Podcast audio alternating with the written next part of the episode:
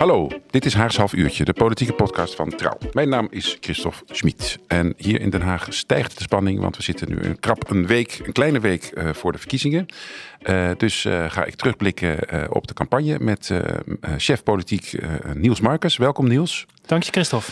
Uh, nou, laten we gelijk maar eventjes een kleine duik in de recente geschiedenis doen. Nou, nou niet zo ver, maar uh, 7 juli viel het kabinet. De week daarna ging het ene na het andere kopstuk uh, weg. Rutte, Hoekstra, Kaag, ze zeiden allemaal, uh, we komen niet meer terug. Er braken nieuwe tijden aan. In hoeverre heb jij die revolutionaire sfeer uh, teruggezien in de campagne? Uh, deels. Nou ja, het is niet dat het land denk ik na 22 november ineens heel anders uh, bij gaat liggen. Dus de revolutie zal niet uh, uitbreken, denk ik. Maar ja, als je even terugdenkt, 7 juli, toen de verkiezingen er kwamen, dacht ik, nou gaan we nu weer een campagne tegemoet met Mark Rutte en al die mensen die we al zoveel jaren kennen. Ja, als je nu naar debatten kijkt, dat hadden we denk ik een half jaar geleden niet kunnen bevroeden. Dat we nu naar Dylan Jezilkes hadden zitten kijken. Naar Pieter Omtzigt die ineens een grote partij vertegenwoordigt. Of waarschijnlijk over een week een grote partij vertegenwoordigt. Uh, Frans Timmermans die terug is in, uh, in Nederland. Nou ja, en nog uh, een aantal nieuwe gezichten. Rob Jette, hè, die bij D66 zit. Henry Bontebal. Wie had er buiten Den Haag van Henry Bontebal gehoord? Um, ja, dus wat dat betreft is er wel een hoop veranderd, ja. Ja, ja. je zou misschien zelfs, tenminste dat viel mij een beetje op bij die debatten, dat al die nieuwelingen uh, ook een beetje, uh, ik wil niet zeggen verlegen, maar uh, terughoudend die debatten ingingen. Of is, is, klopt dat niet? Nou, deels zat er wat onwennigheid, denk ik. He, je zag dat, nou, Bontebal noemde ik als laatste, dat hij in het begin wel een beetje nerveus was voor het debat, om iets te noemen. Dylan Jezilgus is nog geen Mark Rutte in de manier waarop zij uh, uh, vooral de eerste interviews ingingen. Wij hebben er op een gegeven moment uh, geïnterviewd en toen verschenen vrij wat gelijktijdig interviews in NSC en in het Nederlands Dagblad, meen ik. Ja, als je die naast elkaar legde, dan was het toch een beetje pijnlijk misschien voor de VVD om te zien hoe uh, hoe uh, je Zilkes antwoord gaf. Want de waterige compromissen kwamen heel vaak terug. Uh, dat ze echt iemand anders was dan Mark Rutte, weet je wel. Je zag daar wel een, een woordvoeringslijn in terug. Dus het was aanvankelijk een beetje onwennig. En je zag ook partijen een beetje zoeken naar hoe ze elkaar moesten gaan... Uh, gaan benaderen. Hè? Uh, moesten ze heel erg de aanval kiezen of juist de verschillen niet te veel benadrukken? Daar zag je wel nou ja, daar waren de partijen heel lang zoekende in. Ja. Trouwens, je noemde dat interview met uh, Jezielgus uh, dat, uh, dat jullie hadden. Um, in de show notes staan linkjes naar alle lijsttrekkers interviews die we de afgelopen weken hebben gehad. Dat waren een stuk of vijf, zes als ik het goed heb. Um, we hadden het al over Mark Rutte en dat hij ga, weggaat. Het was het einde van het tijdperk Rutte. Maar in hoeverre zweefde zijn schaduw nog steeds boven deze hele campagne? Uh, nou, zelf houdt hij zich heel goed afzijdig in de campagne. Hij was vorige week was hij flyeren met uh, de VVD, maar hij is eigenlijk, uh, nou, hij is vooral op het internationale toneel nu natuurlijk bezig. Uh, ja, de, de, de, de verkiezingen gaan wel over het land wat Rutte achtergelaten heeft hè, na 13 jaar regeren. De term die gelijk rondbuste afgelopen zomer was bestaanszekerheid. Hè, daar uh, is het veel over gegaan, ook in deze podcast. Uh, ja, dat thema is er niet voor niks. Hè? Dat, is, dat is ook door Pieter Omtzigt onder meer gepitcht als, als, als campagnethema, omdat hij zegt dat de overheid en de burger van elkaar vervreemd zijn. Hè? En dat je als burger niet meer weet wat je van die overheid kan verwachten. En dat daarmee de bestaanszekerheid in de knel komt. Tegelijkertijd ja. zie je dat het in die 13 jaar moeilijker is geworden voor gezinnen om goed rond te komen. Hè? Dat uh, het aantal mensen uh, wat met z'n tweeën een baan moeten hebben om, uh, om een gezin of elkaar te onderhouden, dat is gewoon toegenomen, weet je wel. Dus linkse partijen wijzen naar dat begrip bestaanszekerheid, dat dat, dat aangepakt moet worden, dat het minimumloon omhoog moet gaan. Ja. Hè, zo heeft, kan elke partij er wat in zien, maar dat is wel duidelijk dat dat thema nu zo speelt, heeft natuurlijk te maken met Mark Rutte die vertrokken is. En uh, nou ja, partijen die dat als een moment zien om dingen eens anders te gaan doen. Ja, dus de erfenis die Rutte uh, min of meer achterlaat. We gaan zo ja. nog even dieper in op de thema's die, uh, die we langs hebben zien komen. Nog even over de campagne. Um, klopt mijn indruk dat het een vrij nette campagne was. In die zin dat er waren weinig persoonlijke aanvallen. men liet elkaar uitpraten. Niet altijd, maar vaak wel. Ja. klopt dat? Ja, dat denk ik wel. Ja, we hebben natuurlijk één incident gehad waar het uh, wel naar werd. Waar Thierry Baudet in België bij een spreekbeurt een klap op zijn hoofd gekregen heeft. Maar verder, ja, in het verleden waren natuurlijk uh, debatten soms echt ontzettende scheldpartijen en, en over en weer aanvallen. En werd het persoonlijk. We hebben in het verleden vaak nare persoonlijke aanvallen gezien. Ja, dat is dit jaar inderdaad een beetje achterwege gebleven. Hè? Uh, sterker nog, ik denk dat het voor veel kiezers uh, soms ook een beetje lastig was om het verschil tussen partijen te zien. Omdat partijen ook heel erg hun best gingen doen om de overeenkomsten te benadrukken in plaats van uh, te verschillen. Misschien praten we straks ook nog wel uh, over verder. Nee, men was heel, heel lief en netjes voor elkaar. Hè? Het idee was dat is toch ook een beetje de invloed die Omtzigt gehad heeft. Hè? Die zei al voordat uh, de campagne echt losbarstte van nou, ik wil het over de inhoud hebben. En niet te veel over, uh, of niet te veel in one-liners spreken. En nou ja, de, de debatten met groene en rode knoppen, waar je in een zinnetje moet zeggen wat, er, uh, uh, wat je van iets vindt. Dat wil hij niet, weet je. Hij is toen één op één gesprekken wilde hij gaan organiseren. Hij heeft volgens mij uiteindelijk maar eentje gedaan met Timmermans. Frans Timmermans. Ja, ja Dylan Jezilgus, die zag dat niet zitten. Ja, en dat heeft er wel toe geleid dat Timmermans en Omzicht, hoe lang hebben ze met elkaar staan praten? Anderhalf uur. Dat ze vooral heel erg de overeenkomst aan het benadrukken waren. Ja, en hier kunnen we met elkaar over samenwerken. En hier, ja, nee, dat uh, ziet u goed, uh, meneer Omtzigt. Dat, mm. uh, ja. Dus daar komt men nu ook wel een beetje van terug. Want ja, het werd wel een beetje klef misschien wel zo. Mm. Ja, ja is dusdanig dat zelfs misschien sommige kijkers naar die debatten denken dat het een beetje saai aan het worden is. Daar wordt daar weer over gemopperd. Dan is het een keer netjes en dan vinden, gaan mensen het saai vinden. Ja, maar ja, ik denk dat je daar twee dingen dan door elkaar... Of, dat je twee verschillende dingen niet met elkaar moet verwarren. En dat is, je kan natuurlijk enerzijds uh, wel van mening verschillen. En je moet ook als politicus uh, van mening verschillen. Ik bedoel, ja, tussen een GroenLinks P van de A en de VVD enerzijds, daar, daar moeten toch gewoon verschillen tussen zijn, weet je wel. En uh, die moeten partijen volgens mij in campagnetijd juist benadrukken. En daarnaast kan je zo'n debat dan natuurlijk wel een beetje netjes voeren zonder elkaar voor rotte vis uit te maken. Maar het lijkt alsof partijen dat verschil soms moeilijk vinden om dat verschil te herkennen, weet je wel. Als ze dan inderdaad een nettere campagne, inhoudelijkere campagne met elkaar voeren, hoeft dat niet te betekenen dat je het over alles met elkaar eens moet zijn. Alsjeblieft niet, want volgens mij zit de kiezer niet te wachten op... Uh, Hè, die wil nu juist verschillen horen Precies. tussen partijen om zijn stem te bepalen. Ja, meestal tijdens campagnes dan uh, vergroten de kandidaten die verschillen juist uit om na de, de, verkiezingen in de formatie juist weer naar elkaar toe te kruipen. Ja. Maar dat is dus eigenlijk een beetje naar voren geschoven, dat uh, naar elkaar ja, toe kruipen. En dat is, natuurlijk, dat is natuurlijk ook wel iets wat je in de laatste jaren, of dat is natuurlijk een beetje wat je bij Mark Rutte altijd zag. Hè? De, de, de kritiek op Rutte. Enerzijds was, uh, was de lofzang op hem dat hij met iedereen kon samenwerken. Hè? Van de SP tot uh, GroenLinks of uh, Partij van de Arbeid. Nou, GroenLinks heeft de deals meegesloten. Uh, zelfs met de SGP. anderzijds werden daardoor natuurlijk de politieke verschillen heel klein in die tijd. Met als nou misschien wel dieptepunt de laatste verkiezingen in 2021 in de coronatijd. waarin de VVD ook geen belang had bij een campagne. Want Rutte stond er goed voor in de peilingen. Um, hij was een soort vader des vaderlands een tijdje. Of nou ja, dat is overdreven. Maar hij stond echt uh, boven de partijen als, als leider in coronatijd. Hè?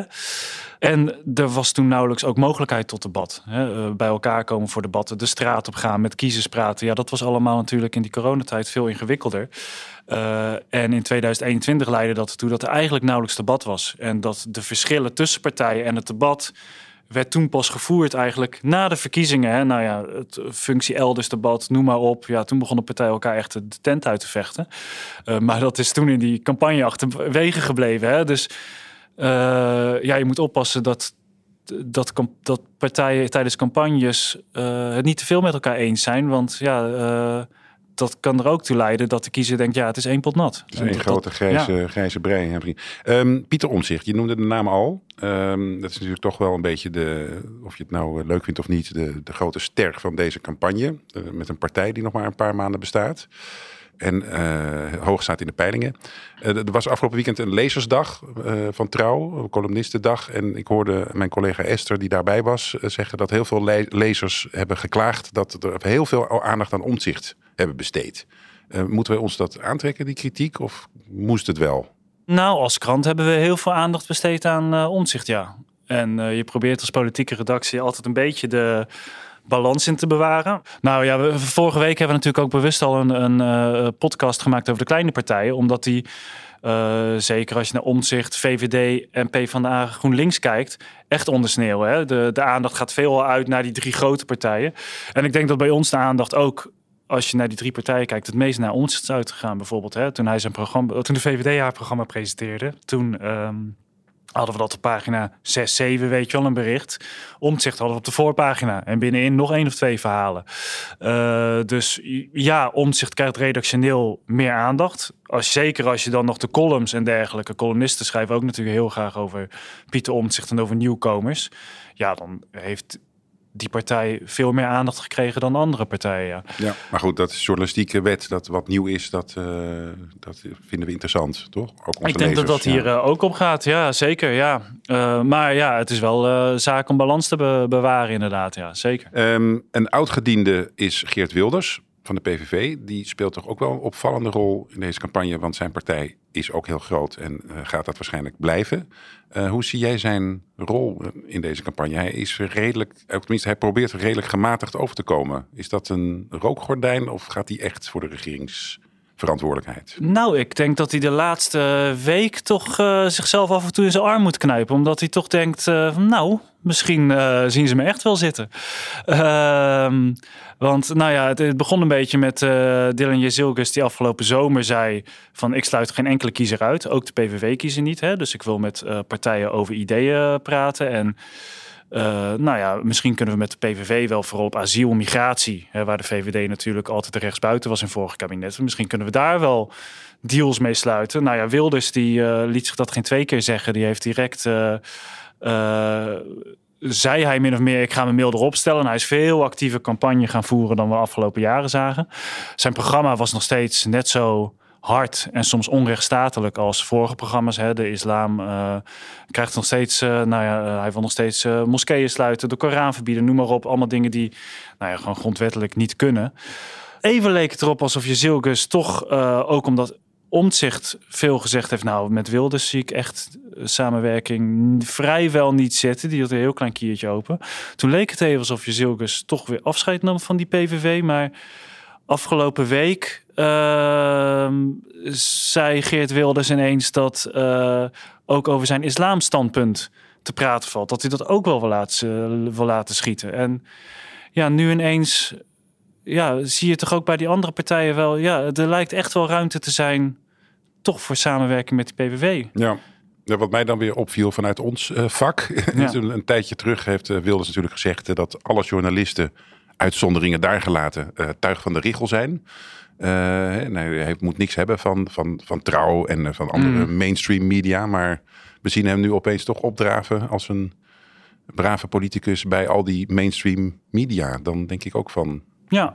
Dat is toch ook wel een aparte campagnestrategie om het zomaar eens ja, zeker, uit te drukken. Nee, hij, uh, als het hem uitkomt, dan is hij zeer uh, goed in het uh, spreken met de media. En ook als je hem in de wandelgangen ziet, is die eigenlijk vaak uh, anders dan bijvoorbeeld mensen van Forum, hè, die hier in Den Haag uh, echt een soort buitenstaanders zijn. Wilders die snapt het, hoe het in Den Haag werkt heel goed. Dus als hij de media nodig heeft, dan weet hij ze te vinden.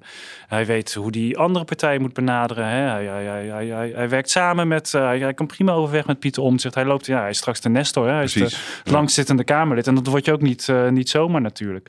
Overigens, ik zei net wel van samenwerking kan misschien na de verkiezingen, maar dan moeten wel nog heel wat drempels overwonnen worden trouwens. Want uh, NSC, vooral de nummer twee van omzicht de, lijst, uh, mevrouw van Vroonhoven, die heeft wel tijdens een debat gezegd van nou misschien een gedoogconstructie of iets. Het zou misschien kunnen, maar ja, gewoon die anti-rechtsstatelijke punten van hem. Ja, voor een partij als die van Pieter Omtzigt, die nou ja, heel erg zit op het herstel van de rechtsstaat, ja, is een samenwerking met Grit Wils natuurlijk heel moeilijk uit te leggen. Ja. Um, qua inhoud, als je de debatten even uh, analyseert, dat zou natuurlijk veel gaan over bestaanszekerheid en niet over migratie, maar dat is toch ook een beetje rechtgetrokken, toch, de laatste week. Het gaat toch wel veel over migratie. Ja, zeker. Ja, En ook weer door Pieter Omtzigt, denk ik, voor een deel. Omdat die, met, die kwam vrij laat met zijn programma. En daardoor hadden aspecten van zijn programma uh, nog wel direct invloed op, uh, op die campagne. Ja, hij stelt een quotum, wil die instellen, hè, van 50.000 migranten, nieuwkomers. Uh, alles bij elkaar, hè? Dus arbeidsmigranten, ja. Wat echt een enorme, ik, hoeveel zijn het nu per jaar? 200, 300.000? ja, zoiets. ja. ja. Dus dat zou een enorme teruggang zijn van het aantal migranten naar Nederland. Ja, en dat, daardoor werden andere partijen ook gevraagd van ja, willen jullie een quotum? Hoe kijken jullie daarnaar? dus dat heeft er wel toegeleid dat migratie echt een onderwerp is. En kiezers vinden het ook belangrijk. Hè? De zorg staat op één. Migratie op twee of drie? Het lijstje heb ik even niet paraat. Staat maar hoog. Klinkt, klinkt aannemelijk. Ja. ja, precies. Dus uh, partijen nou ja, zijn daar wel. Uh, en zeker voor rechtspartijen is dat natuurlijk een goede manier ook om het, om het verschil aan te duiden met links. Hè? Daar is misschien wel meer discussie over dan dat uh, arme mensen of mensen met lage inkomens ge geholpen moeten worden. Want daar zijn ook mensen over van, oh, de kiezers van rechtspartij het wel over eens dat, dat daar iets moet gebeuren. Ja, ja Omzicht had het uit over 50.000 uh, alle migranten. Caroline van der Plas van de BBB noemt 15.000 asielzoekers, geloof ik. Ja. Maar goed, daar wordt meteen de vraag gesteld: ja, wat doe je dan met nummer 15.000, nummer 1? Ja. Ga je die dan uh, tegenhouden? Dat zijn ingewikkelde uh, voorstellen eigenlijk die ze doen. Misschien wel zelfs wel onhaalbaar. Ik denk dat dat uiteindelijk heel ingewikkeld wordt om dat uh, voor elkaar te krijgen. Ja. ja, want je hebt internationale verdragen uh, waar je niet zomaar onderuit komt. En, uh, Precies, ja, ja, Je hebt het zelf ook vaker opgeschreven volgens mij. ja, dat was soms even nodig. Um, maar goed, ja, goed, de, de, die migratiediscussie is in, in zoverre wel actueel geworden. Maar het gaat heel erg over die cijfertjes, hè, over die quota. En niet over hoe gaan we nou om met arbeidsmigranten in het land bijvoorbeeld. Nee, nee, terwijl uh, volgens mij hè, jij, jij en Esther hebben net uh, Lilian Marijnissen um, geïnterviewd. En die wijst volgens mij terecht op dat in sommige grote steden arbeidsmigratie echt tot problemen leidt. Hè? En ja, wat doe je met, met de woonruimtes daar en met huurwoningen die worden verkamerd en waar heel veel Bulgaren of Roemenen bij elkaar in een woning zitten. Ja. Ja. ja, dat zijn grote, grote problemen. Dat is uh, duidelijk. Dat interview met Marijnissen staat trouwens uh, ook in de show notes uh, qua link. Dat was de laatste in de serie van vijf, geloof ik. Um, dat andere grote thema, bestaanszekerheid. Zijn jou daar nog dingen opgevallen? Nieuwe dingen gehoord? Nieuwe standpunten? Nou ja, wat ik net een beetje zei. Elke partij die ziet daar toch een beetje iets anders in. Het is wel grappig dat het is een thema wat je, wat je oorspronkelijk een beetje met linkspartijen zou, uh, aan linkspartijen zou koppelen. Oud-collega, nu freelancer Wilfried Scholt, heeft er net een uh, verhaal over geschreven. Hè? Dat, op een gegeven moment heeft de P van de A uh, voor de verkiezing van 2021 een marketingdeskundige in de, in de arm genomen om erachter te komen waartoe zij op aarde zijn. En die marketingdeskundige zei: bestaanszekerheid. Hè? Het, de zekerheid bieden van werk en inkomen. Dat is waar sociaaldemocraten over zouden moeten gaan. Uh, dat heeft Lodewijk Asscher destijds omarmd. Hè, die is daarmee, uh, wilde hij dat het campagnethema maken. Alleen uh, Asscher was betrokken bij de toeslagenaffaire en besloot echt kort voor de verkiezingen terug te treden als lijsttrekker en als Kamerlid. En Lilian Ploemen volgde hem op. En die koos weer voor een heel ander campagnethema. Dus daar ging het weer ergens anders over. Ehm ja, en je ziet nu dat daardoor de PvdA en linkse partijen... Nou, Lilian Marijnissen zei er geloof ik ook het een en ander over. Die lukt het niet zo goed om dat thema te omarmen. Uh, terwijl je nu ziet dat uh, nou ja, Omtzigt dat eigenlijk tot zijn speerpunt heeft, uh, heeft gekozen. En die heeft het dan eigenlijk over iets anders. Die heeft het niet over minimuminkomen. Want hij is een van de weinige partijen, NSC, die dat niet wil verhogen. Hij wilde geloof ik een onderzoek naar laten doen. Ja. Uh, maar ja, die bedoelt er dus heel iets anders mee dan... Uh, die heeft het over de rechtsstaat en hoe, je, de, hoe, de, hoe de staat burgers benadert. Uh, VVD noemt het ook. Hè? en als je de VVD hoort, ja, die maken zich ook zorgen om grotere groepen Nederlands die moeilijker rond kunnen komen. Maar de VVD, waar PvdA en de zekere SP het hebben over de lage inkomensklassen, is het bij de VVD vooral uh, de middengroepen die in het gedrang komen. Ja, hè? En de benzineaccijns uh, wordt dan al snel uh, genoemd, hè? Ja, waar die groepen dan van meer van profiteren, ja. En als je dan Frans Timmermans hoort, die gaat het weer zo breed trekken dat hij het over zijn kleinkinderen heeft. En zegt van ja, qua klimaatbeleid moeten onze kleinkinderen bestaanszekerheid hebben. Dus die trekt het dan weer zo breed dat, het, dat, het, dat dat begrip misschien een beetje betekenisloos wordt. Ja, Misschien wel. Iedereen, iedereen daar eigenlijk zijn eigen ja. interpretatie aan geeft. Ja. Ja, zou je kunnen zeggen. Dat zijn natuurlijk ook onderwerpen waar het eigenlijk niet of nauwelijks over is gegaan. Is jou daar nog opgevallen van, god, waarom is dat nou geen groot thema? Ja, wat een ander thema wat kiezers heel belangrijk vinden is de zorg. Maar daar is het nauwelijks over gegaan. Dat is misschien ook wel omdat daar niet echt een uh, populair standpunt over in te nemen is. Hè? Uh, de zorg gaat, is inmiddels de grootste kostenpost van de overheid op de rijksbegroting. Ja, daar zal geld weg moeten of minder geld naartoe. Het geld wat er naartoe gaat, zal, zal kleiner moeten worden, dat bedrag. Uh, ja, daar willen weinig partijen op dit moment hun vingers aan branden. Er zit ook een politiek-strategische spindokter uh, gedachte achter. De SP wordt door kiezers heel erg geassocieerd met de zorg. Uh, andere partijen zijn misschien bang als wij het heel erg over de zorg gaan hebben, dan spelen we de SP in de kaart. Ja. Uh, dat zit er misschien ook achter. Ja, een ander thema, je noemde het net zelf al kort als het over bestaanszekerheid gaat. Ja, uh, klimaat dat ja, is gewoon natuurlijk een ontzettend belangrijk thema. De, de opwarming van de aarde en uh, de, de, achterblijvende... Nou ja, het vorige kabinet heeft het een en ander gedaan. Daar wijst Rob Jetten als klimaatminister graag op. Uh, maar goed, Nederland zou keihard aan de bak moeten... om uh, die opwarming van de aarde en de eigen klimaatdoelen te halen. Ja, daar gaat het toch vrij weinig over. Ja. Als het erover gaat, gaat het over kerncentrales. Terwijl ja, dat is maar een heel klein aspect natuurlijk van, van klimaatbeleid. Ja. En een verwant onderwerp is stikstof. Ja. Daar stond we nog maar relatief kort geleden het hele land voor op zijn kop. Uh, hoor je ook niet zoveel over? Nee. Nee. Nee, daar schrijft onze collega Auke van Eijsten. Die heeft daar uh, een deze dagen een verhaal over uh, in de krant. Ja, dat is ook zo'n thema waar denk ik partijen liever hun vingers niet aan branden. Wat gewoon zo ingewikkeld is, waar in de coalitie gedoe over was. Ja, je zou je kunnen afvragen Kijk, BBB is er in bij de Provinciale Statenverkiezingen maart verreweg de grootste partij van Nederland van geworden. Door het heel erg over stikstof te hebben. Uh, je kan je afvragen waarom heeft Caroline van der Plassen deze verkiezingen niet meer over stikstof? Ik denk dat wat voor de SP en zorg geldt, geldt hier natuurlijk ook voor stikstof en BBB. Die andere partijen denken als wij het heel erg over stikstof gaan hebben, ja, dan spelen we Caroline van der Plas in de kaart. Dus laten we daar maar met een, met een boog omheen lopen. Maar dat zijn dus inderdaad onderwerpen, stikstof, klimaat, zorg, uh, die zijn nu niet prominent, maar die worden ongetwijfeld prominent in de formatie. Want er moet iets overstaan in het regieakkoord. Straks. Ja, absoluut. Ja, en dat gaan gewoon uh, heel, heel ingewikkelde uh, onderhandelingen worden. Want ja, de, de stikstof is, hè, en de staat van de natuur vooral, is nog steeds een probleem. En de vergunningverlening voor woningen uh, is nog steeds problematisch. Al is geloof ik voor de woningmarkt op dit moment een groot probleem de hoge kosten van bouwgrond en materialen dan stikstof. Maar ja, dat die natuur op omvallen staat, dat is nog steeds een feit. Hè? Uh, en daar zal gewoon iets aan moeten gebeuren. Um, klimaat wordt ook interessant. Er is nu een klimaatfonds van 35 uh, miljard waar Rob zijn, uh, zich aan vastgeketend heeft. Uh, omdat het alsjeblieft moet blijven bestaan. Ja, het zou zomaar kunnen dat als er een rechtskabinet komt, dat die uh, er zal bezuinigd moeten worden. Ja, dan is zo'n fonds van 35 miljard is wel heel aanlokkelijk om daar niet naar te kijken. Hè? Uh, eerder is natuurlijk ook uh, uh, geld uit het groeifonds gehaald. Ja. Voor accijnzen, ja, dat soort potten met geld, die, die, ja, die zijn wel heel verleidelijk voor Het Wopke, voor Wopke Wiebes fonds was dat, hè? wat dan zogenaamd voor de lange termijn was. Maar dat wordt nu al dankbaar voor andere dingen uitgegeven. Ja. Oké, okay, we zitten nu natuurlijk nog in verkiezingskoorts.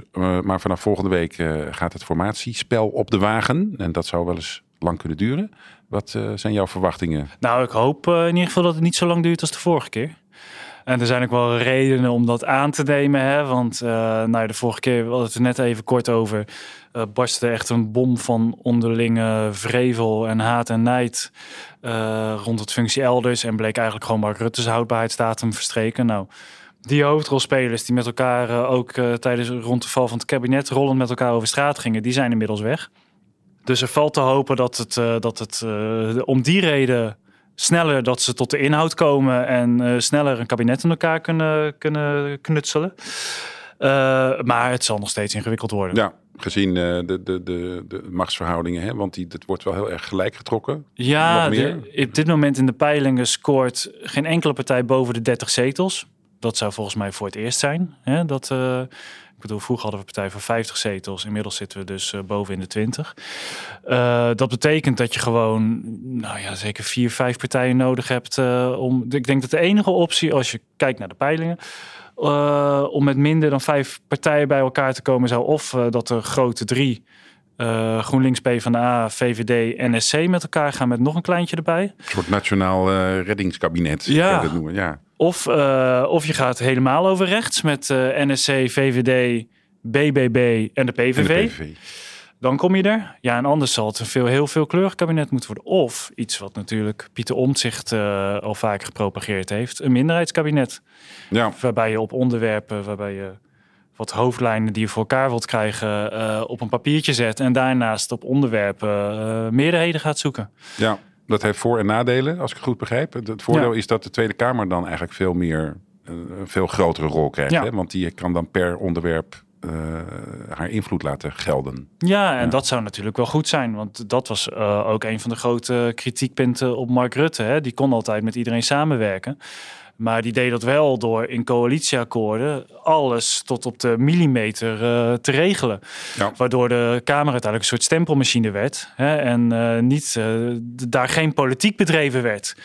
Ehm, als je inderdaad een kabinet hebt wat geen meerderheden heeft voor voorstellen. En over klimaat meerderheden moet zoeken. Nou, dan valt er voor de linkspartijen wat te halen.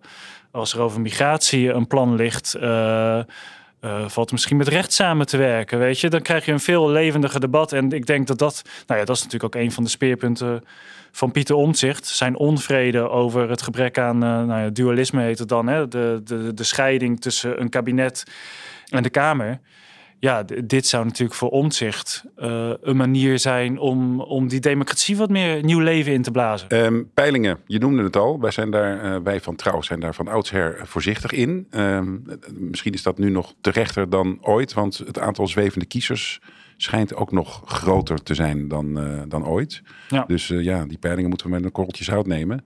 Um, wat was ook weer het laatste cijfer? Iets dat 40% van de kiezers zweeft nog? Of juist ja, zoiets. ja, die hebben nog, ja, die zweven dan natuurlijk tussen één of twee, drie, misschien een enkeling vier partijen.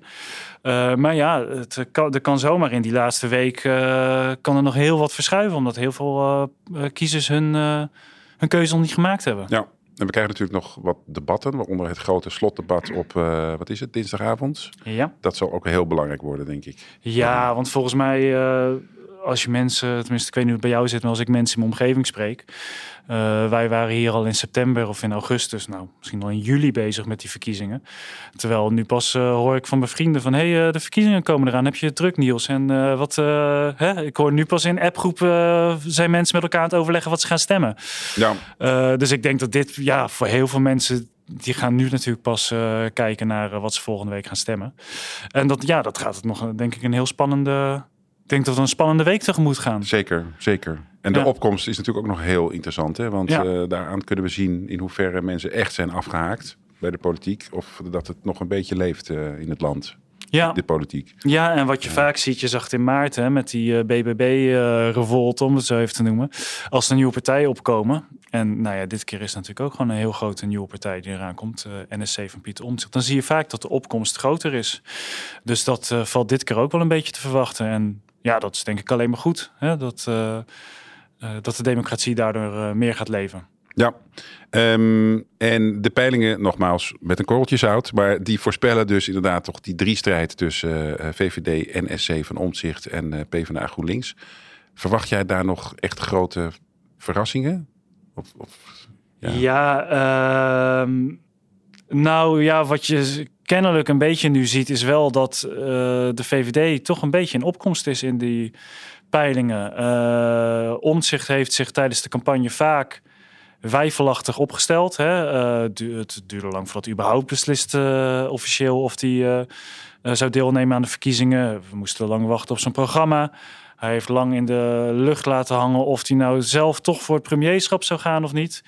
Nog steeds onduidelijk, toch? Ja, nog steeds is dat. Nou ja, hij heeft inmiddels gezegd dat hij zijn. Hoe zegt hij dat? Zijn, zijn grote voorkeur. Ja, precies. Maar dat laat toch wel een deurtje open naar een torentje. Ja, laat toch een kiertje open. Ja. Ja, je ziet dat dan bij andere partijen toch een, uh, een spin op gang komt. Je leest hier en daar in media. Uh, ja, dat er erg over uh, Pieter Omtzigt zijn twijfelachtigheid, zijn wijfelende optreden.